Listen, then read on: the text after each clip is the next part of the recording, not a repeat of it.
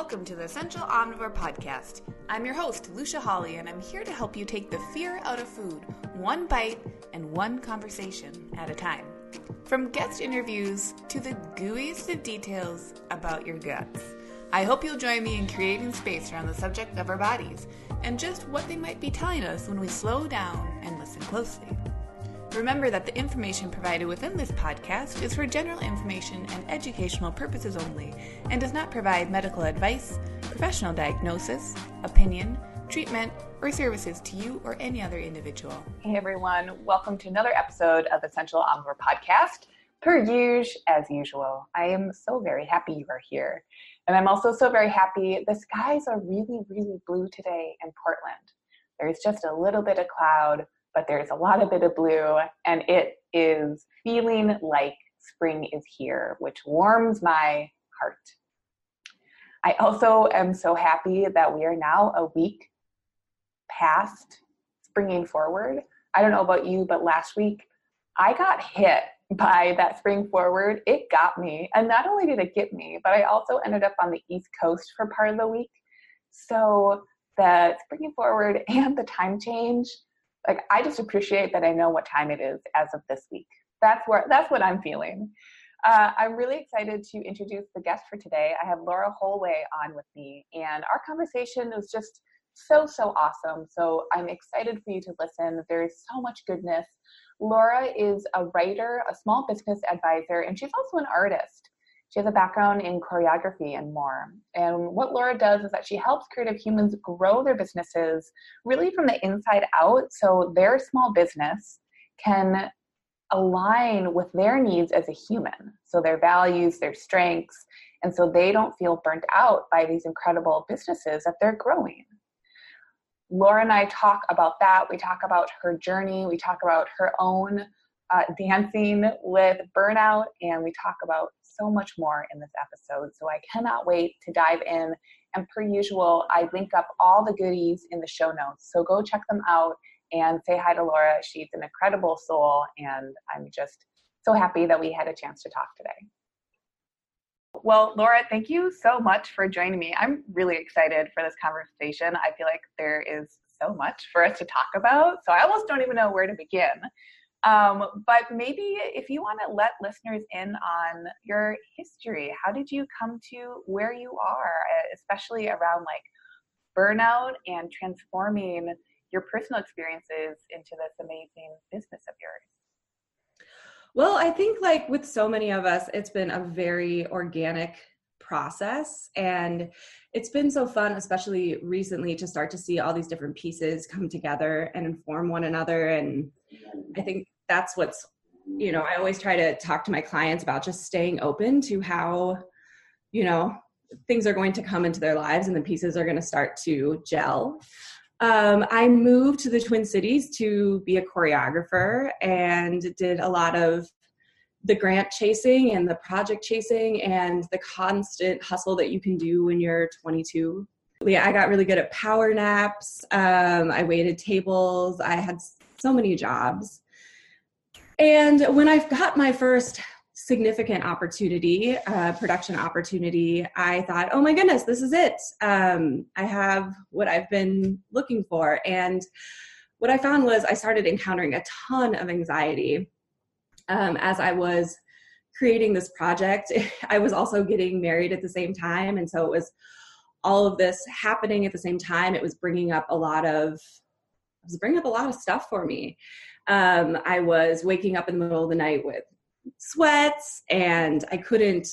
Um, I couldn't think clearly in rehearsals, and once I got the project done, I thought, "Oh my gosh, I this this was not fun. um, this is not something I I want to do again without rethinking how I'm doing it. Right, right. This can't keep repeating. No, and it was also really thinking about for the first time why am i why am i doing this? What is in it for me? Um, i think i had really been on the track of of chasing the the grants and chasing the external validation and i love gold stars. Yeah. And so i thought that would be enough for me and i'd never really stopped to consider what was bringing me satisfaction and joy, which is crazy.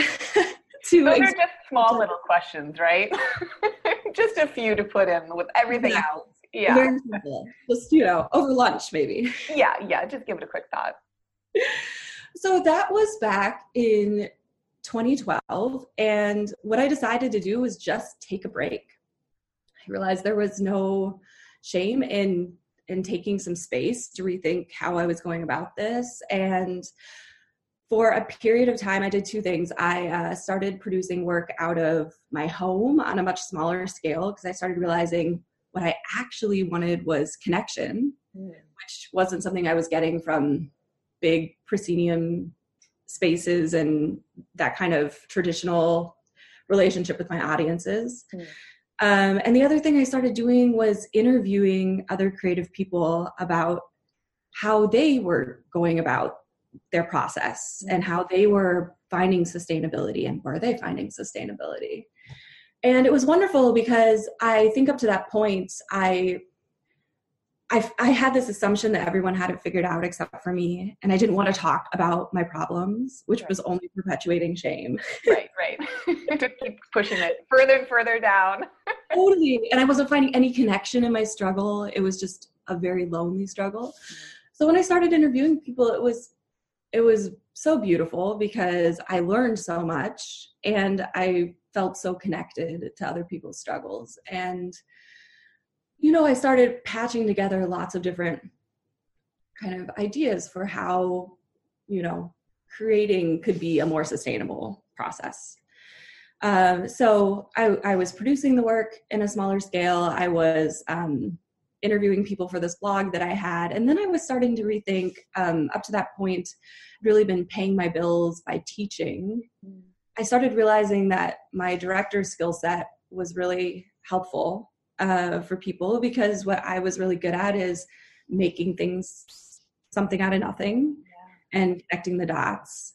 And I was starting to develop so much empathy for other people out of my own struggle.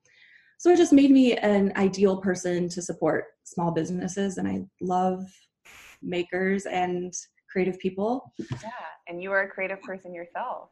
Yes. Yeah. So, yeah, just that started gradually evolving over time. And but I would say it's only in the last couple of years that I've been able to see how much my movement work really supports my my business advising work. Yeah. And what are those connections you see there? Because you, I think, you know, in kind of online back and forth, I was like, oh my gosh, there much must be so much there. But for people who don't have that, background in dance and in movement, what are some of the parallels or supports that you have found?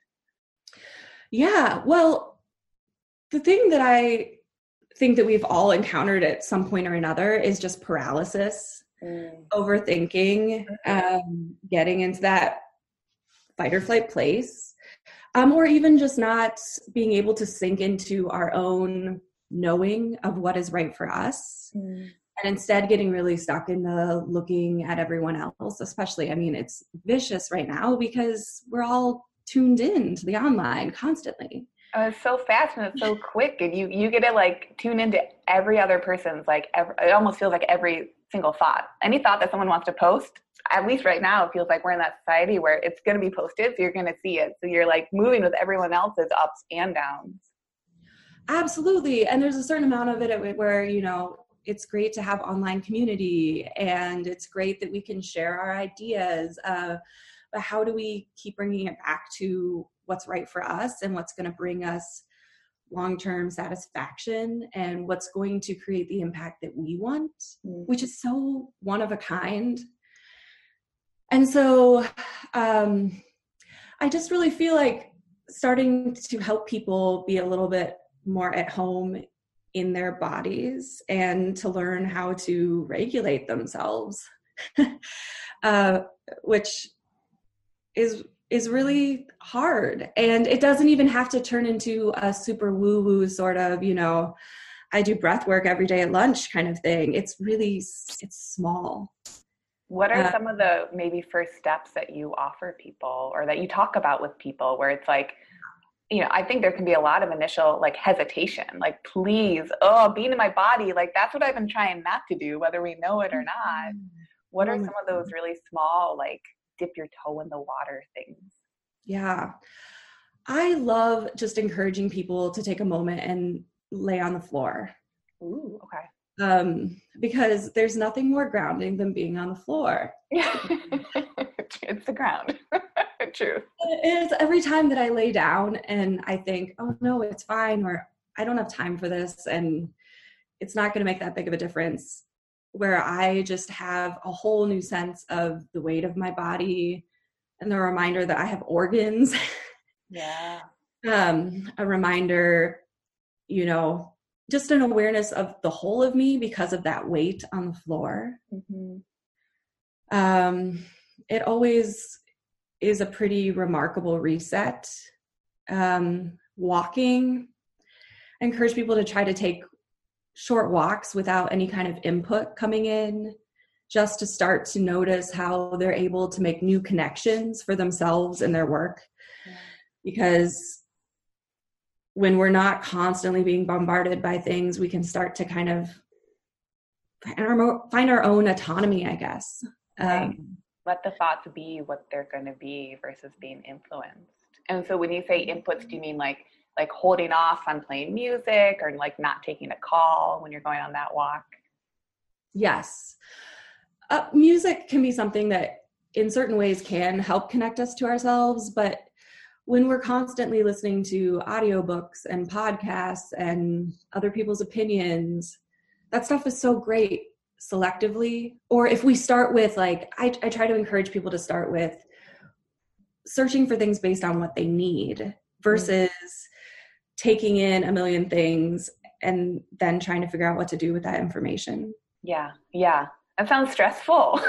and it is. I, I'm guilty of that too. Like, you know, tuning into all like the nutrition podcast, being like, cool, this is in my area. I'll just listen to all of it and take what I need. That's definitely, that's so true. It's such an exhausting way to go about it. Yes. And I try to pay attention to the times where that feels good and the times when that does not feel good. You know, sometimes I notice this anxiety that's kind of rising in me, or my center of gravity is just kind of getting higher and higher and those are the times where i just need some space for myself. Um, so again it comes back to this self knowledge how do we become an expert in what we need? It sounds so narcissistic but it doesn't have to be at all. No. like it's how we can serve other people honestly is by like being grounded in ourselves Right, right. And it almost seems, you know, it's like an offering to yourself to say, okay, your brain, you like get to hop off of the hamster wheel for a second. And when you, it's like putting on your oxygen mask first. And I feel like I was traveling a lot last week and I like saw that darn video. They don't even like do it in the cabin anymore on the airplane, but saw the darn video where it's like, okay, you know, oxygen mask, come down. You put yours on before you put on the one for the kiddo or the person who needs help. Yes. I think we understand that principle, but then putting it into action in our own lives in more of these like nebulous ways, not an actual oxygen mask on your actual face, that's where the challenge is. Right. And I think what's been so helpful for me is you start to see what will happen if you don't do it. Mm-hmm. And you get more frustrated and angry with that than with you know, needing to make some space for yourself. It's like you look at those options. You know, this year I was completely forced to put my own work into practice. I went through a really intense divorce. I have a small child who has his certain number of special needs. And I had to really focus on myself in a way that I never have before. Mm. And so when you start to see how high the stakes can be like there's there's no one else that's going to be you know looking out for you and there's no one else that's going to decide that your work needs space there's no one else that's going to decide that you deserve self-care right then it's time you know right. well so. and I, I think as creatives too there's no one else who can perhaps i think people can appreciate and support the creative spirit but no one just like no one is you. No one can know what your creative spirit needs because it is. It's so unique and it's so different. And it probably the needs are going to be changing over time too. So in different like, you know, periods of life, what you need during that period could be vastly different than a period two years ago, five years ago, or like 10 years in the future. So I think that practice that you're talking about is so key to say, okay, and what do I need? Whether that's in business or in a creative endeavor, or if that's a combination of those, or just in like in the morning when you wake up, what do I need? Yes, yes, yes, yes, yes. And I am a very type A planny person. And this has, this work has to, it has brought me back to a space where you can make your list and that's great. And you can strategize six months out, two years out, five years out. But it's, it's all going to shift. like the most honest barometer is yourself. Mm-hmm and to allow yourself that kind of flexibility to really realize that you know i mean it really does come back to self-trust yeah and that's a lot of what i've been thinking about even this week is how do we teach people to cultivate self-trust and how do we cultivate it for ourselves and do you think that cultivating that practice do you feel like that's counterculture with the society that we're in right now oh my goodness uh, yeah, probably. um, I think it's, well, we're very black or white. Yeah. And so it's, it's, um, it's against that. It's so much, it's less certain. And so it's very uncomfortable. Self trust means that there's no hard rule. Ah, how scary. People out, right? Right. People want to be given the rules. I mean, it's the same as people want to come and be told exactly what they should be doing with their business. Of course, it makes sense. Um, so yeah, it is. It's really scary to have to find those rules for yourself, that space for yourself, that gray area. Yeah, but that that gray area though, it is. I find that challenge so so frequently because people come to you as an expert or as someone who's really really knowledgeable in this field of business or of creating business or you know starting out or any any part along the journey for me it's that way with nutrition and people say like okay i know i shouldn't be on a diet but what should i do? What is the structure then if it's not a diet? Okay i shouldn't not eat food. I know i should eat food but how do i do it? And it, it's so interesting walking that line of saying like here are some offerings. There are going to be perhaps some best practices that work you know on a foundational level for a handful of people. But after that it really is starting to instill that practice of questioning and saying ooh, ooh actually this is less of the diet and more of checking in with yourself and recognizing like if a structure can come to be perhaps but maybe a structure is the opposite of what someone might need right now. Well right. So then that goes back to trusting yourself. And if you don't truly trust yourself a lot of us don't then that's really problematic. Right. Also there are so many books that are kind of written with this you know foundational belief that we shouldn't trust ourselves mm. right we need to outsmart ourselves Right. Um, we need more rules. We need more restriction. Yeah. You know, I I have ranted in the past about uh, Gretchen Rubin's book, which is all about you know, I can't even remember what it's called now. Um, but it's basically about trying to get yourself to make new choices. Right it feels in my personal opinion a little bit like bullying yourself into making new choices you yeah, know? kind of like strong strong holding or strong handling yourself into mm-hmm. that. Like she talks about how she always brushes her teeth right after dinner so she won't eat again yeah. you know? And to me as a person who had disordered eating for a long time oh my gosh that that kind of someone telling me what i need to do or suggesting that you know my wanting a snack at night there's something wrong with that that's really upsetting to me. Yeah, right. Because it negates that in that in this experience that a feeling of a craving. It's painting it as bad or lesser than instead of embracing it and noticing it and like riding with it in the gray area. Right. But what's so tricky is that to start to really develop self trust, it's a long journey. Because what you almost need to be able to do, you know, I'm really big into this practice of reflection. Mm. I really like the practice of reflection on a pretty regular basis so that people can go back and see patterns and also see movement like growth in small ways and big ways and you know i like it as a way of starting to develop a relationship with yourself mm-hmm.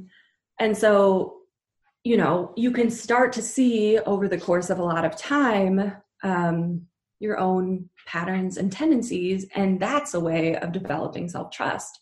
But you almost need to be able to look back and in those moments of crisis or panic where you don't want to trust yourself say hey do you remember this other instance and the great work that you did then? And you know can you can you trust that this might just be part of the greater journey of things yeah. Well, I loved what you said using the word relationship.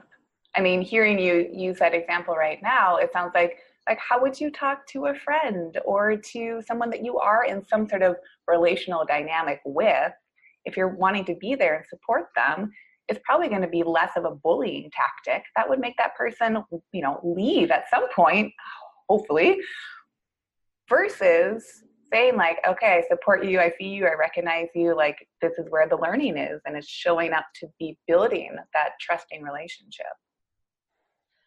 Yes. And i feel like i've learned a lot about parenting myself you mm. know as i've parented my child. Exactly what you're speaking about you know how do you offer yourself a gentle guidance? Right and is it ever effective you know when you get up close to a child and really put the pressure on them? Yeah. I can't even i have a dog. And that's it. I can't even imagine. so what do you notice then when people start to work with you or they just start to you know begin this process with their businesses and they're beginning the process of starting to trust themselves or what their bodies are telling them what comes up in those uh, first sessions or first dialogues? Like, are there common themes for people? Well, what starts to surface is discomfort. And a lot of what I'm interested in is discomfort. I feel like another really big step in my journey was I worked with this really amazing therapist for a number of years. And I had never considered myself an anxious person it was so deeply embedded in me. Mm. It turns out I had like enormous anxiety. Mm. and so I did a lot of work around, you know, understanding what the root of that was and my the tendencies I'd had as a child. Um, I had some very traumatic experiences as a child that I'd never really considered as significant mm-hmm. um, in the way that I you know needed to have control over certain projects or endeavors. Right. And i never really had had curiosity about that. So i really encourage people to notice discomfort and start to you know be curious about where it's coming from. And if it's come you know if it's something that has come to the surface before um, you know what it might be about. There is this whole mentality around like fighting the fear. Mm-hmm. feel the fear and do it anyway. And i'm not really into it. Uh, of course there are lots of things i do that aren't comfortable in my business and in my life. That's like discomfort is a part of life. Right. But that's different than muscling through fear um, that's different than like putting on earmuffs and just like bulldozing your way through decisions. Right.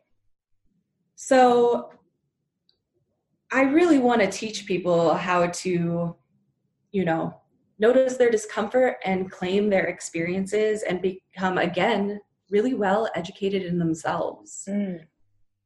There is, I mean, there's so much discomfort that is specific to being a business owner like capitalism is really uncomfortable for instance Yeah, right. The privilege is uncomfortable. Uh huh. it's all there, but we don't necessarily have those moments where we're like, oh, I'm feeling uncomfortable because of capitalism. Right, right. You're just like, and when you're in the thick of it, you're just trying to get through when you're owning the small business and you're just trying to like keep afloat.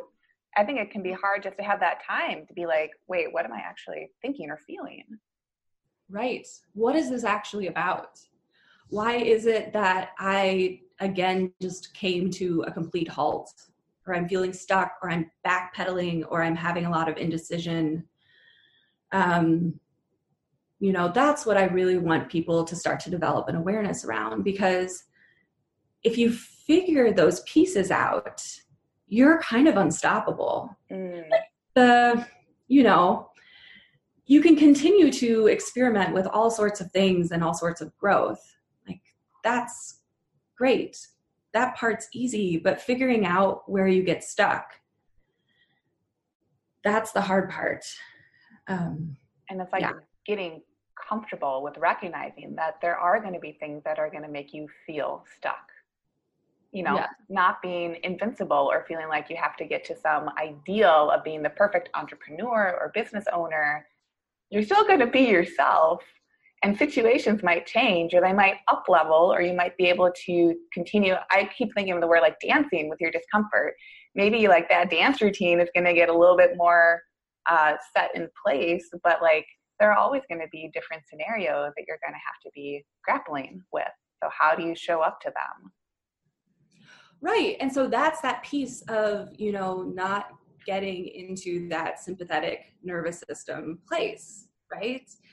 And um and not getting alarmed when you do get stuck. Like, oh, okay, I get stuck. That happens. Yeah. I didn't have a great it happens. I'm feeling burned out. That's information.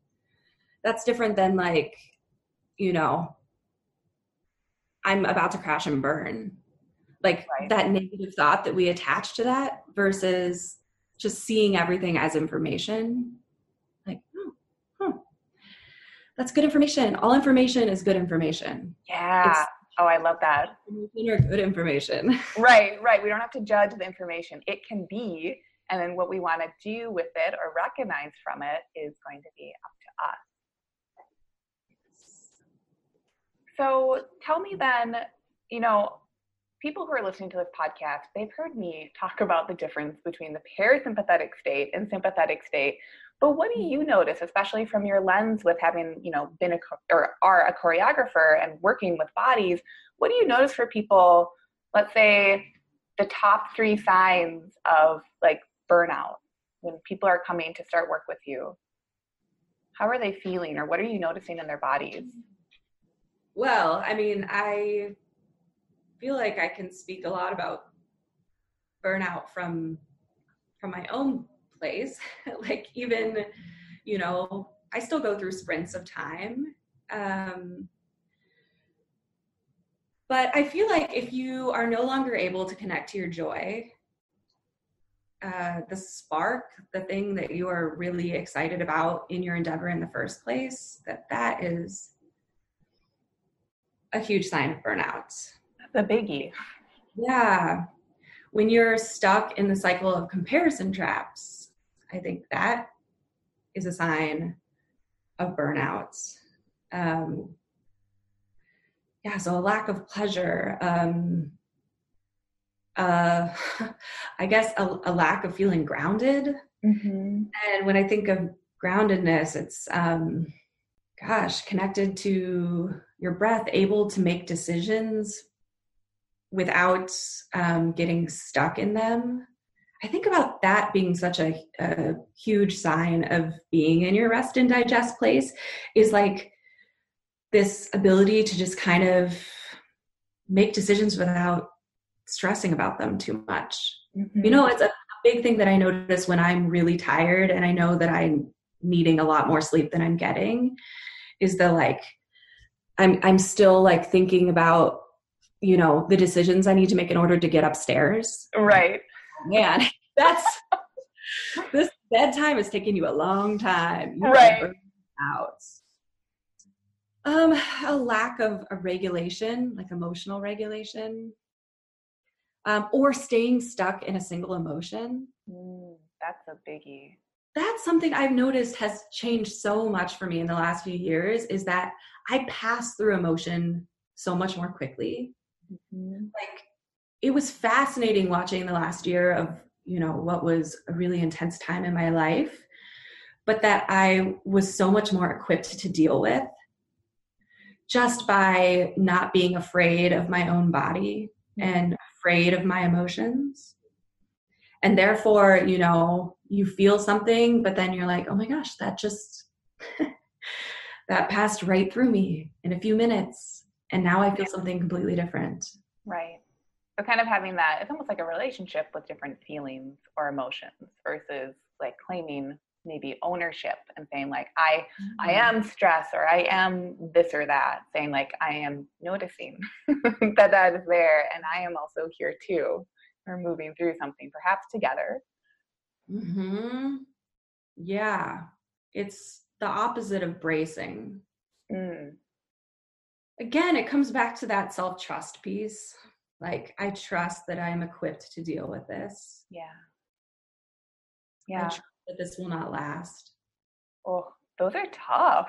I hear those and I'm like, oh, okay, yes. None of it is simple. Well, what I always say is it's very simple and it's very tricky. Right. Like everything that I teach is so simple. And yet it's the simple stuff that, you know, we all are going to spend our whole lifetimes trying to master. Right which is fine. That's what we're here for, I guess. Right. it's part of the process. Yeah. Well, and I think also, you know, when you are engaging in coaching, you're offering people a space to be, you know, showing up to kind of like the nitty gritty again without judgment, which I really believe is very counterculture. I think our culture is so quick to judge.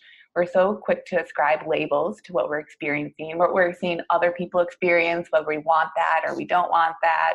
There's a lot of judgment and labeling going on. So, flipping that and stepping into a space where someone can join with you and say, we're going to do some perhaps recognition and like that that's the hard work it's like sitting down and meditating you know you see someone doing it you're like oh that could be simple and then you do it and you're like ooh, this simple task is one of the most, I don't want to say difficult, but it's one of the most uh, nuanced to be engaging in. I like that.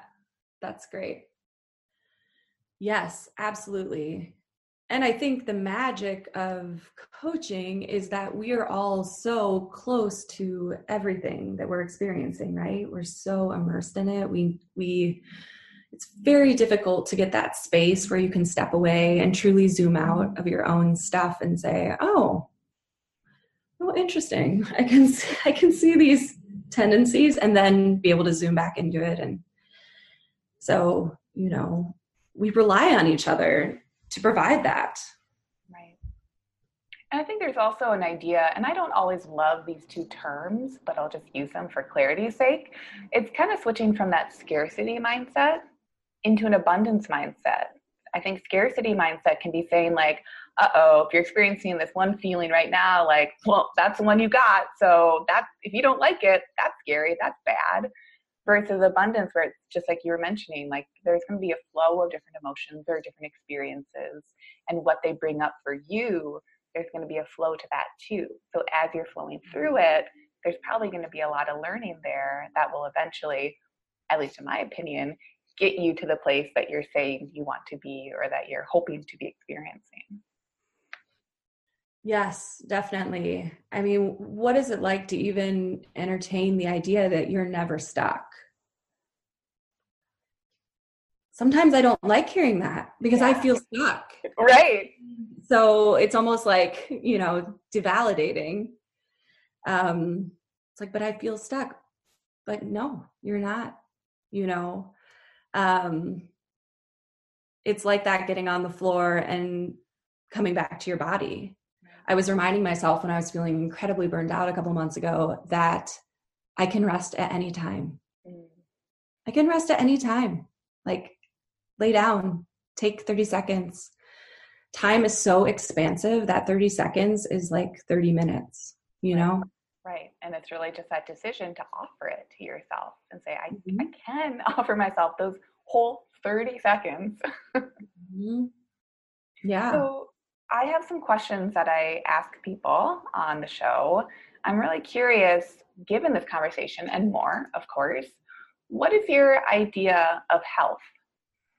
Hmm.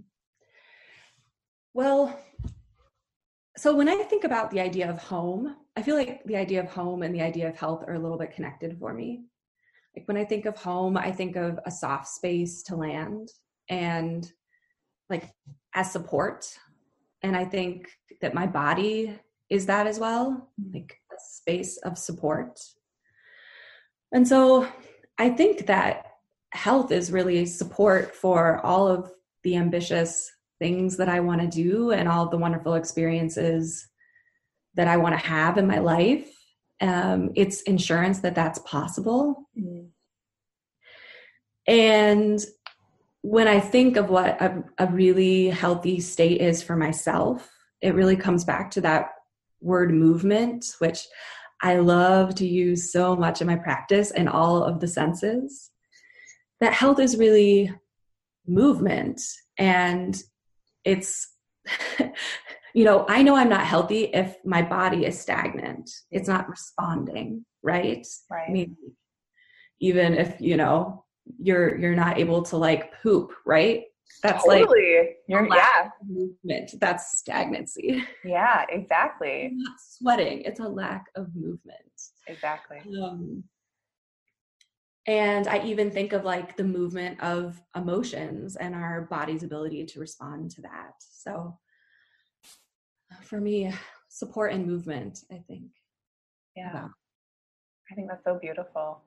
It makes me wonder too if, you know, small businesses, they they're so personal, right? Like it's a person or a couple people starting this big, big thing that's been this brainchild for however long for them.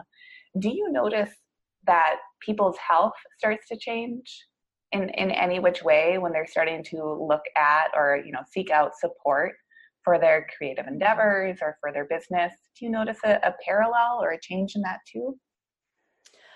Yes especially with people who work with me more long term because it is a form of accountability.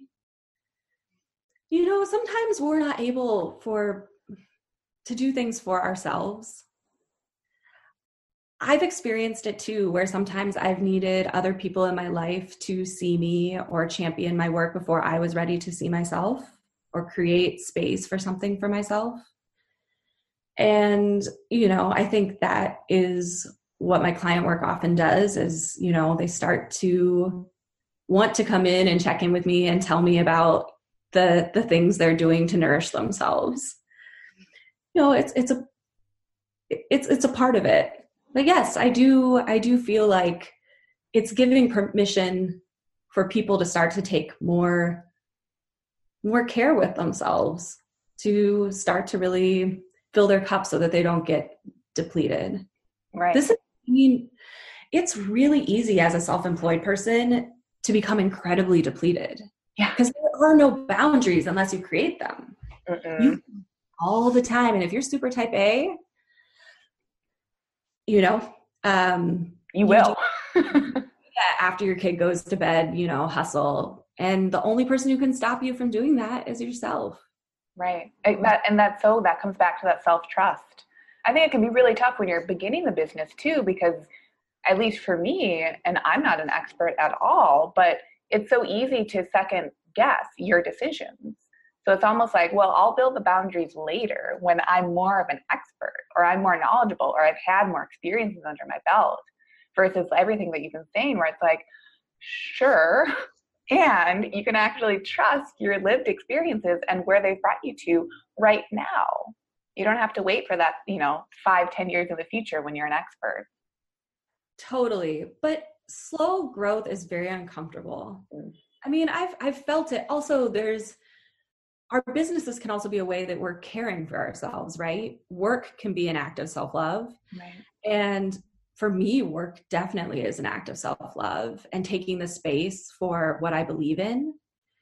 So it makes that boundary really nebulous and really tricky. And I go through phases, which I think is, again, the beauty of reflecting over a long period of time and kind of just continuing to notice is I can have phases where I can really like put the pedal to the metal kind of thing. And then I can have phases where I give myself permission to not do that and trust that I'm still going to experience some momentum. Right. Because I can also like look at the data. Does it look like something's happening? Something's happening. Yeah. Can trust that something. yeah. So then tell me, based on that, what is your idea of happiness? Well, there is a really great quote from um, a, a, late playwright, Tom Poole, who died a few years ago. Uh, he did um, the Proust questionnaire, and he said that happiness is a feeling of yourself in the world. Hmm. And I think about that a lot because when I experience, when I'm really conscious of being happy, it is a feeling of being grounded and open and connected to the world around me and porous in the right way, mm-hmm. excited. um, and it really is that feeling of myself in the world, which is exciting to remember because it's not contingent upon an external experience. Right. It really is an internal state. Right.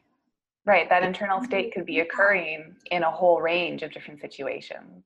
Yes. And what's what I try to remember in that as well is that I can't feel that when I'm burned out. Oh.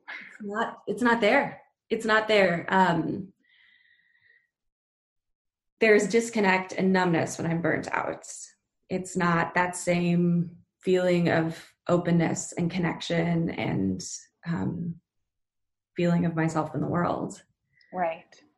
So, you know, that is sometimes a great motivator to realize that, you know, I, I want that. I want to feel happiness, right? Right, right. I think too, you know, talking about burnout, it is I notice a phenomenon in our culture, again, with like the high speed of everything and just how easy it really is to work all day, every day, if you really want to, or you're type A, or like there's, you know, whatever's going on. It can be really easy for our bodies, and maybe you could speak to this too, physiologically, to start to become addicted to that feeling of burnout and to start to you know feel addicted to running on empty and being scared and actually like freaked out when you experience being in that parasympathetic rest and digest mode because that mode can become so infrequent that we can actually start to associate like feelings of discomfort or feelings of like i don't want to feel that way. It's too overwhelming. Even though we're actually in this burnt out stress mode that is really if we step back much more overwhelming while we're experiencing it. Oh, I'm so glad that you brought this up. It's, I mean, it's really interesting to me. Um, I took a class in January, and it was interesting. When I signed up for it, I didn't know that I was going to get incredibly ill in January. Oh. Um, actually, the morning of New Year's Eve, I woke up and I I came down with the flu, uh, which then turned into pneumonia. And then I actually had to go to the hospital. Oh, wow. it lasted for 15 days. Oh, my gosh. And it really was um, the culmination of, you know, a year of stress. My, my body was finally like, you know, it's safe to get sick now. We're going to do that. We're going to do it. And I had signed up for this class. Uh, I don't know if you know Jocelyn Glei. Mm-mm. She has a great podcast called Hurry Slowly. Oh, cool. Okay. Yes, it's all about um, more intentional work. Oh, yes. yes, please. She runs a great class that I would recommend to everyone. It's called Reset. And I took it in January online. And it was exciting because our work is so aligned. And there was a lot about that recalibration in there about how we do get so hooked into working in unsustainable ways that it is about retraining ourselves. We're hooked on cortisol. I am so good at pushing through it past my limit and telling myself it's the last time you're ever going to have to push past your limit. right, right, just right? one time. and so it's almost like I've had to consider what does it mean to to rewire my brain a little bit around this. Like again, like in embracing a certain amount of discomfort, like what would it feel like if I just stopped mid task? Mm. Like I know no one is going to die. I'm not a brain surgeon. Right, right. Yep. Uh, I'm always accountable to my deadlines. Situation dependent. More, yeah, I'm talking more about like self imposed deadlines. Right. So, you know, I've just been doing a little bit ex- of exploring around that. You know, what does it mean to have my bedtime alarm go off at nine o'clock mm-hmm. and to have to stop with whatever I'm doing and just start to wind myself down? You know, does that make me panic? Sometimes, yeah. Yeah. And again, that's it's okay. That's just information. Right, right. Because I think, you know, people could look at that situation. I think someone could beat themselves up for saying, like, oh my gosh, I get so panicked at nine o'clock when my alarm, you know, to start my bedtime routine goes off. How did I get to this place? I'm such a, you know, bad person. Like, there can be that shame and blame and guilt spiral, which, oh my gosh, then isn't helping any mm-hmm. scenario, but it's so frequent. It's so, so frequent. Definitely. Yes. And so I I think that's been a real part of me practicing what I preach this year. Mm. You know, and I'm sure you encounter this too in your work of needing to come back to making yourself your own client. Oh yeah. Yeah. Totally. Well, I you know, I think I always talk about this with my other friends who are NTPs and nutritional therapy practitioners where it's like don't be your own NTP, but we also have to recognize that a lot of us came into this arena because we kind of had to be our own support system. I had to figure out my own health because I felt like I wasn't really getting that support. And then that sparked the interest in nutrition and then became an NTP from there, blah, blah, blah. So it can be that fine line you're walking where you're like, okay, got to step back, got to recognize without shame or guilt. Because at least to me, if it's coming from that place, that's coming from a sympathetic place. And decision making in the sympathetic state is a whole different animal than decision making in the parasympathetic state. Will you will you talk about it a little bit? well, yeah, and I think you've already spoken to this too. Is that it's you know decisions in that sympathetic state they're to get you to feel safe versus coming from a place of safety. So if Whoa. you're yeah right if you're in yes. that rest and digest mode your decisions i think inherently and this is where it can be so hard to trust yourself it's hard to trust that you can make a decision from a place of safety so that is really interesting because it's been really helpful for me to think in my work about the ego and the intuition as sort of sympathetic and parasympathetic, mm. right brain and left brain. Yeah. You know, when I think of the ego, I think of like making decisions from I can't think of a better way of putting it than like our wounded selves. Yep, definitely. our fearful selves are like little kids inside of us. Yeah. Um, versus being able to make decisions from like our grounded adult selves and and what you said, like to get you to feel safe versus like a feeling of safety. Right, right. And I I also think, you know, in part of reclaiming the whole experience, if we label that sympathetic decision making as bad, then we're still perpetuating a spiral of guilt and shame. So I think if we can recognize, and this is what I talk about with people, you know, when I'm saying like if we're working on stress management, it's not that the stress response is bad, it's just that it's an adaptive response that has become maladaptive because of environment or how we grew up or traumas or whatever. Most of our lived experiences have occurred or how we've responded to them have occurred for a reason, and that might have been adaptive in the moment. But if it's now continuing on and chronically actually not helping us to be in that sympathetic mode, then can we appreciate it for why it occurred and then still offer ourselves change to say, can we come back to mm. parasympathetic? I think that can be helpful because in this discussion, I do, I notice that people get really, it can just, there can be a spiral, even if we're trying really hard, there can be that spiral of saying, like, well, I've been running on like on fumes. I'm a small business owner. Oh, I suck. Totally. no, you don't suck. It's it's information. Going back to what you said, it's information that we can now like. How cool is it that we can glean little nuggets from this information, and then we can do, given that information, because it's just all the information, we can do what we want with it. Totally, and you know the reflecting and adjusting is a really big piece of my process because again with that very black or white there's this thing of like it sucks let's burn it all down right. fresh. Let's completely change the direction of my business. Like i think it really is just some adjustment. Yeah oh, adjustment is scary. Yes but when we realize that i don't know sometimes adjustment is more scary than burning it all down. Yeah oh, I think the burning it all down is a sympathetic response. Like, okay, bye, like just done. Put it over there, do something new. It's easier to start fresh it's harder to be in that gray area and say, well, where can I tweak things? And can I trust how I'm about to tweak things? Yeah, totally. Right? They're big conversations. it is this stuff it's it's huge and i love thinking about it and that's why i've enjoyed your posts on instagram so much and your podcast and um, so thank you so much and oh, yeah. i'm also just so refreshed by this perspective of considering nutrition based on what works for you. I actually um, was raised amongst alternative medicine practitioners, mm-hmm. and I have a little trigger happiness in myself over like staunch rules. Yeah. like, oh my goodness. Um, and so I, but I love when it comes to food, making my own rules. Right, right.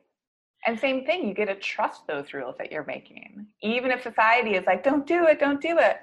Well, we all get our own lived experience and we get to trust if we want to show up to it. So let's do it. So I have one more question that I ask everyone.